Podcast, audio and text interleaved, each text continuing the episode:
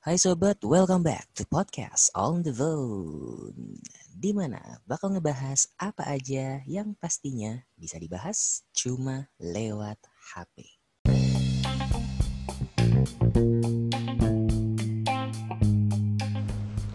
It's movie time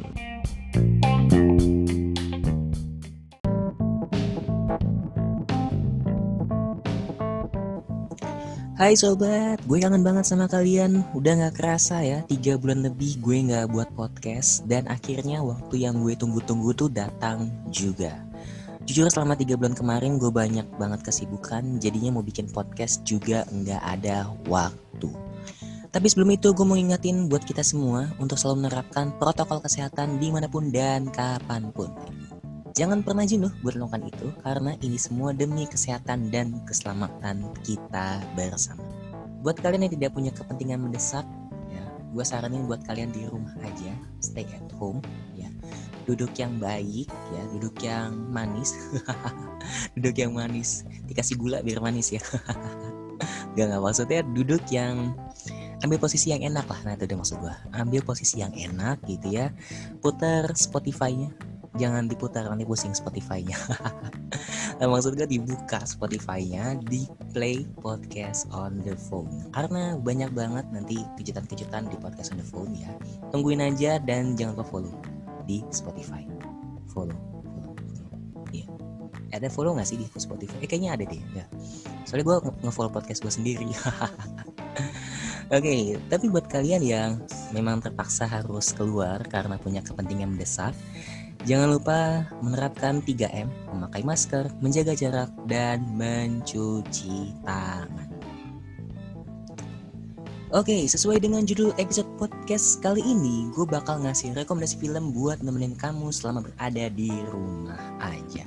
Sekaligus juga nambah referensi nonton lah, nambah list nonton kalian selama berada di rumah aja gue bakal kasih 5 rekomendasi film dan lima-limanya ini gue kasih terdiri dari berbagai genre ya jadi genrenya nggak mau nonton gitu dan beberapa film yang gue rekomendasikan di episode kali ini bisa kalian tonton secara streaming di View, Catch Play Plus, Netflix, iFlix, Video.com maupun juga layanan streaming terbaru yaitu Disney Plus Hotstar. Rekomendasi film yang gue berikan ini berdasarkan pengalaman gue nonton secara pribadi hasil riset kecil-kecilan serta beberapa pendapat dari sahabat-sahabat gue gitu. Langsung aja gue udah gak sabar banget buat ngasih rekomendasi 5 rekomendasi itu ya film buat nambah list nonton kalian. Gue udah gak sabar banget langsung aja. Ini dia gue kasih di urutan pertama yaitu ada Avengers Endgame. Avengers Endgame merupakan lanjutan cerita dari seri Avengers sebelumnya yaitu Infinity War di mana di akhir ceritanya Thanos berhasil mendapatkan seluruh Infinity Stone dari para jagoan Avengers. Di film Endgame ini diawali dengan cerita Hawkeye atau Clint Barton yang kehilangan keluarganya akibat ulah si Thanos. Kemudian cerita tersebut dilanjutkan dengan adegan Tony Stark dan Nebula yang masih terkatung-katung dalam pesawat luar angkasa dengan kapasitas oksigen yang mulai menipis. Dalam adegan ini, Tony Stark sudah mulai kehilangan harapan dengan fisik tubuh yang semakin kurus dan bentuk mata yang cekung. Sementara itu di markas Avengers, dengan jumlah superhero yang tersisa, mereka mulai membentuk rencana untuk mengalahkan Thanos dan merebut kembali Infinity Stone yang ada padanya serta menggunakan itu untuk membawa kembali orang-orang yang hilang dan mengembalikan keadaan bumi seperti sedia kala. Dalam Avengers Endgame, Captain Marvel dan Ant-Man juga ikutan loh dalam misi mengalahkan Thanos bersama dengan superhero yang tersisa. Di akhir cerita, Tony Stark harus merelakan dirinya demi menyelamatkan bumi. Dia mati setelah mengendalikan Infinity Stone yang telah direbut dari Thanos untuk mengembalikan kondisi bumi seperti sedia kala. Film ini memang keren dan seru banget menurut gue. Alur cerita yang dibuat oleh tim penulis Marvel ini menurut gue good job banget. Kalau gue bisa kasih 5 jempol, gue kasih 5 jempol ya. Tapi sayang gue cuma punya 4. Dua jempol tangan sama dua jempol kaki tapi tapi emang benar-benar uh, keren banget disusun ceritanya tuh disusun dengan rapi banget alur demi alur tuh benar-benar menurut gue kayak terbawa banget gue terbawa suasana gitu termasuk juga nih emosinya nih emosi penonton menurut gue dari awal sampai akhir tuh benar-benar dimainkan oleh Marvel gitu ya sepanjang film ini bermain. Seluruh bagian dari film ini tuh terasa banget ya, terasa sayang banget untuk dilewatkan oleh para penonton. Jadi nih gue punya saran nih buat kalian ya. Kalau kalian mau nonton film ini, segera siapkan segala sesuatu dengan baik ya. Mulai dari cemilan yang enak, posisi nonton yang enak gitu ya. Jadi ya siapkanlah itu semua dengan baik biar kalian nontonnya juga enak. Dan dikutip dari situs uh, rating film yaitu Rotten Tomatoes, dia memberikan rating kepada film ini sebesar 8,22 dari 10 pada Tomatometer serta 4,49 dari 5 pada audience skornya.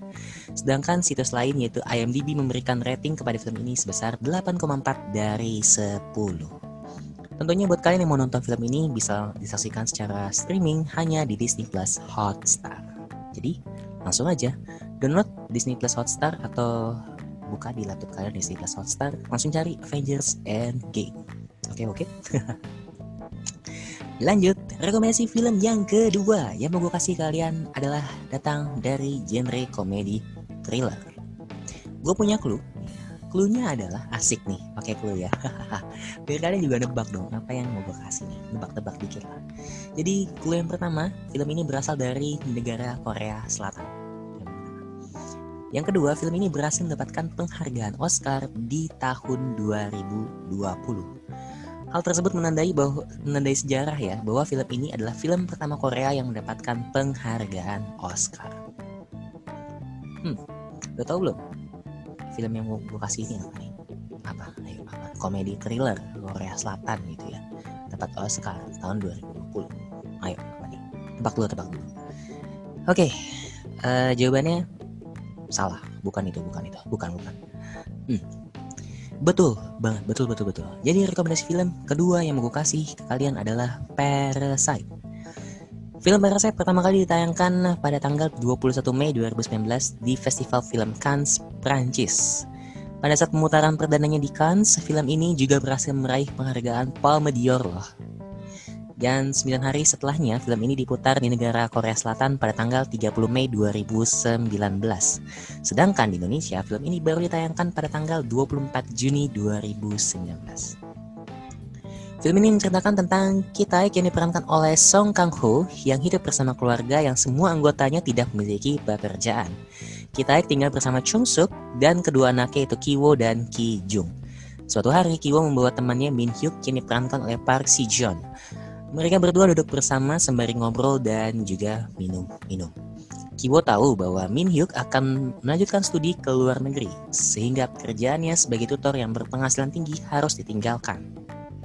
Tentunya Min Hyuk tidak ingin meninggalkan pekerjaan itu begitu saja. Ia lalu membujuk Kiwo untuk menggantikan dirinya sebagai tutor pribadi. Akhirnya Kiwo pun setuju dan mulai membuat sertifikat palsu agar ia bisa bekerja sebagai tutor pribadi menggantikan Min Hyuk.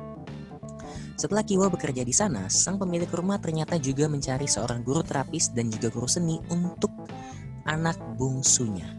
Akhirnya, Kiwo mengaku bahwa ia punya seorang kenalan bernama Jessica dari Chicago. Padahal Jessica tersebut adalah saudara perempuan kandungnya sendiri yang bernama Ki Jun. Perlahan-lahan mereka berdua mulai merekomendasikan ayah dan ibunya agar bekerja di rumah itu. Ayahnya direkomendasikan sebagai seorang supir profesional, sedangkan ibunya direkomendasikan sebagai pekerja rumah tangga yang handal. Di akhir cerita, terjadilah sebuah pertikaian yang hebat saat berlangsung pada pesta ulang tahun Dasong.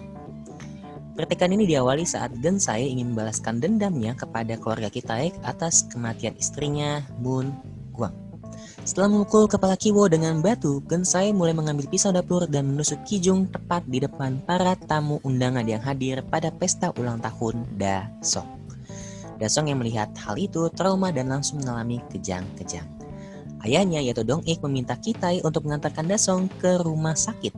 Namun Kitai melemparkan kunci mobil dan kemudian kunci tersebut terperangkap di bawah Chung Seok dan Gensai yang sedang berkelahi buat cerita lengkapnya nih gue gak mau spoiler banyak-banyak nih.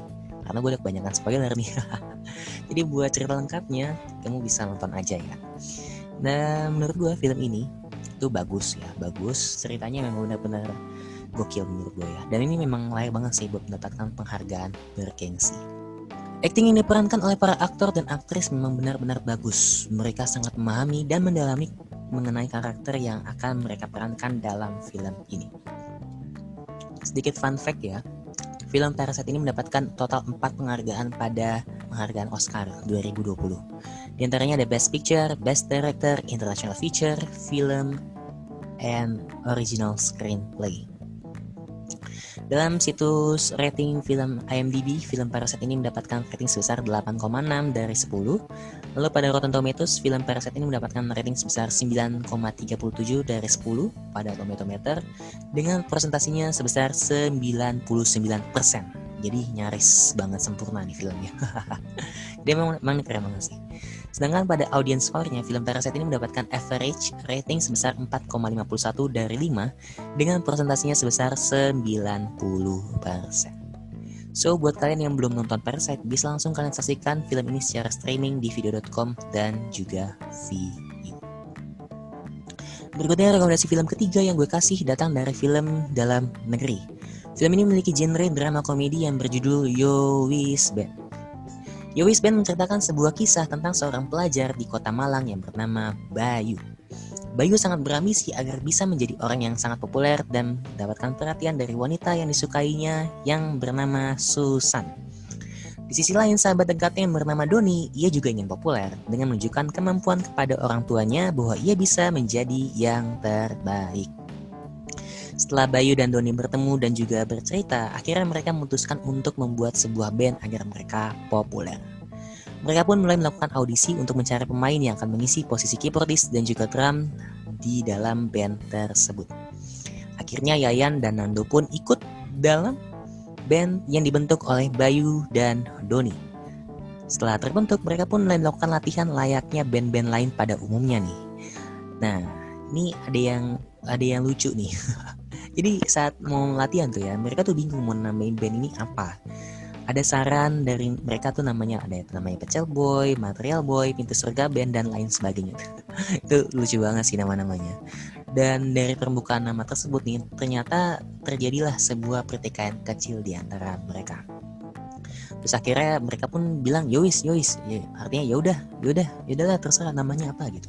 Yois, Yois, ya udah akhirnya ya udah ya udah akhirnya ya udah jadi si uh, ini ya yang punya tempat latihan itu akhirnya menulis namanya Yowis ya Yowis. Jadi mungkin persepsi dia nama bandnya Yowis kali ya Yowis.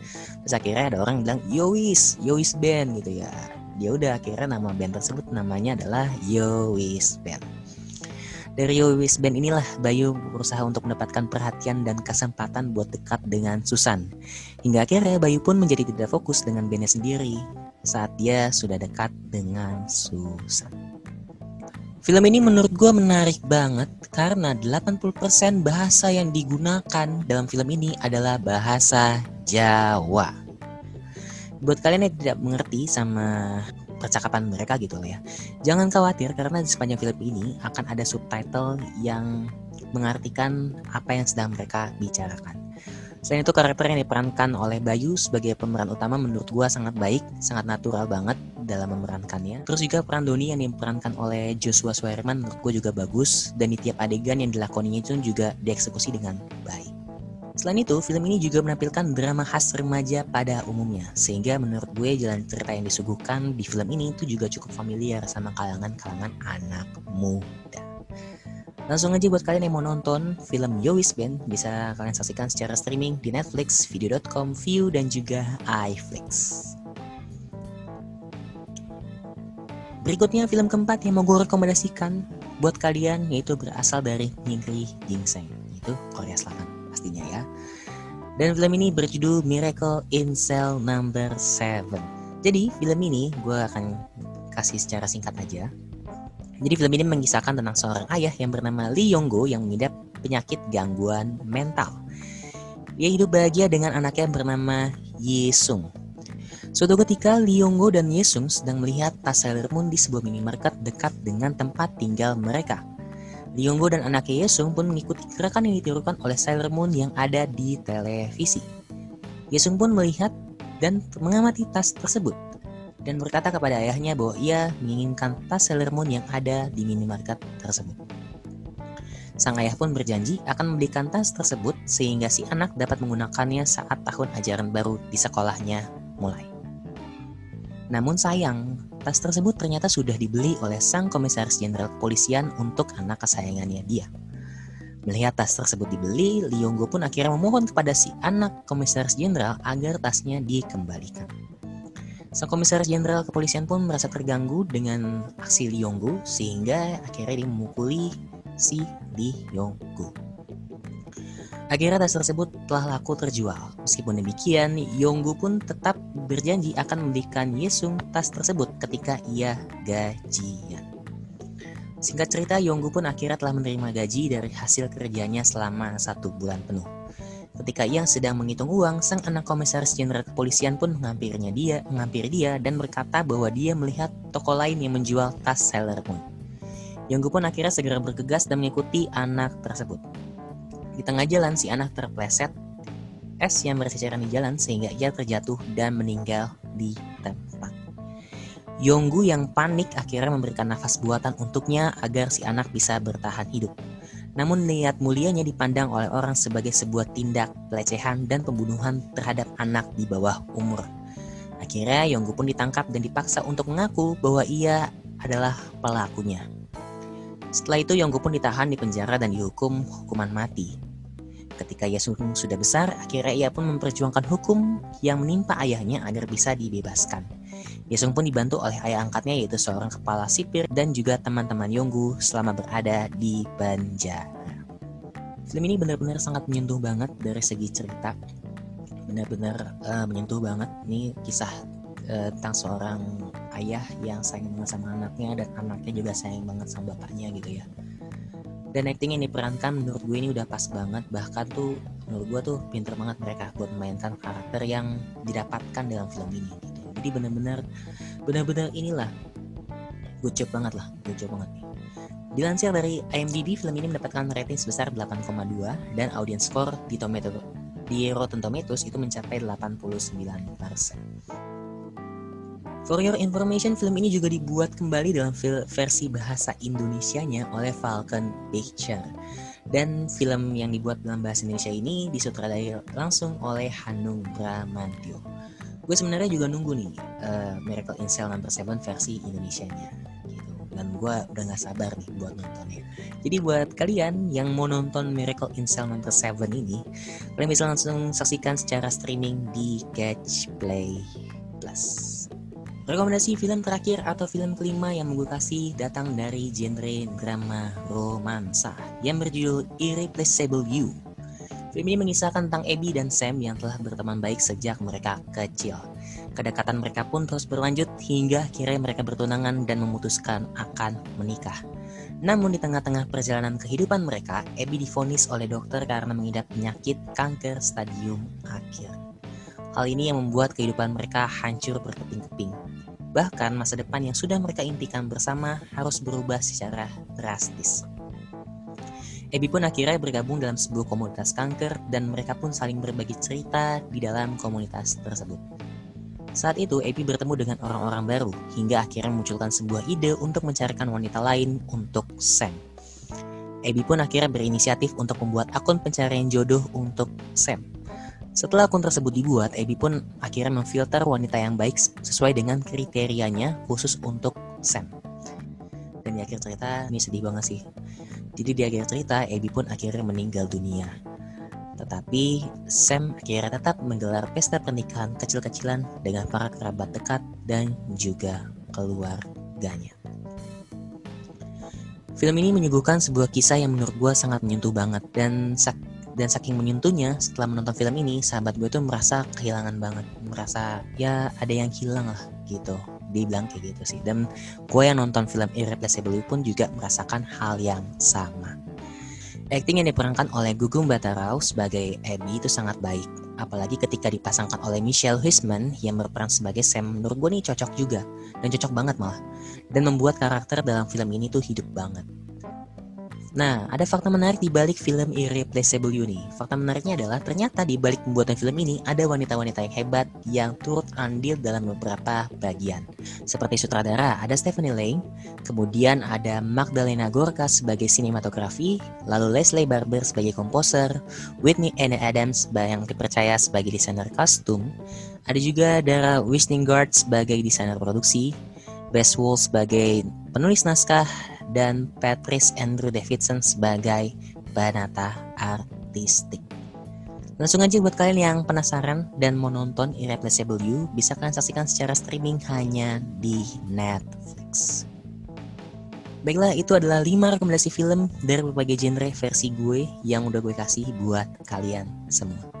Sebenarnya banyak banget film-film yang direkomendasiin sama sahabat-sahabat gue yang mau gue kasih ke kalian juga gitu ya. Tapi rata-rata tuh banyak yang ada yang thriller juga ada yang action juga gitu. Jadi mungkin next gue bakal kasih rekomendasi-rekomendasi dari sahabat gue buat kalian juga. Tapi juga soon gue bakal bikin rekomendasi series. So, pantengin terus podcast on the phone karena banyak banget topik yang bakal dibahas di sini. Jangan lupa juga follow IG kita at podcast on the phone dan IG gue juga boleh kok at Juan Wisatya. See you next episode. Bye.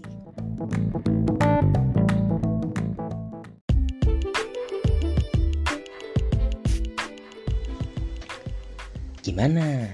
Nyaman gak dengerin podcast on the phone? Iya, makanya pantengin podcast on the phone. Oke? Okay?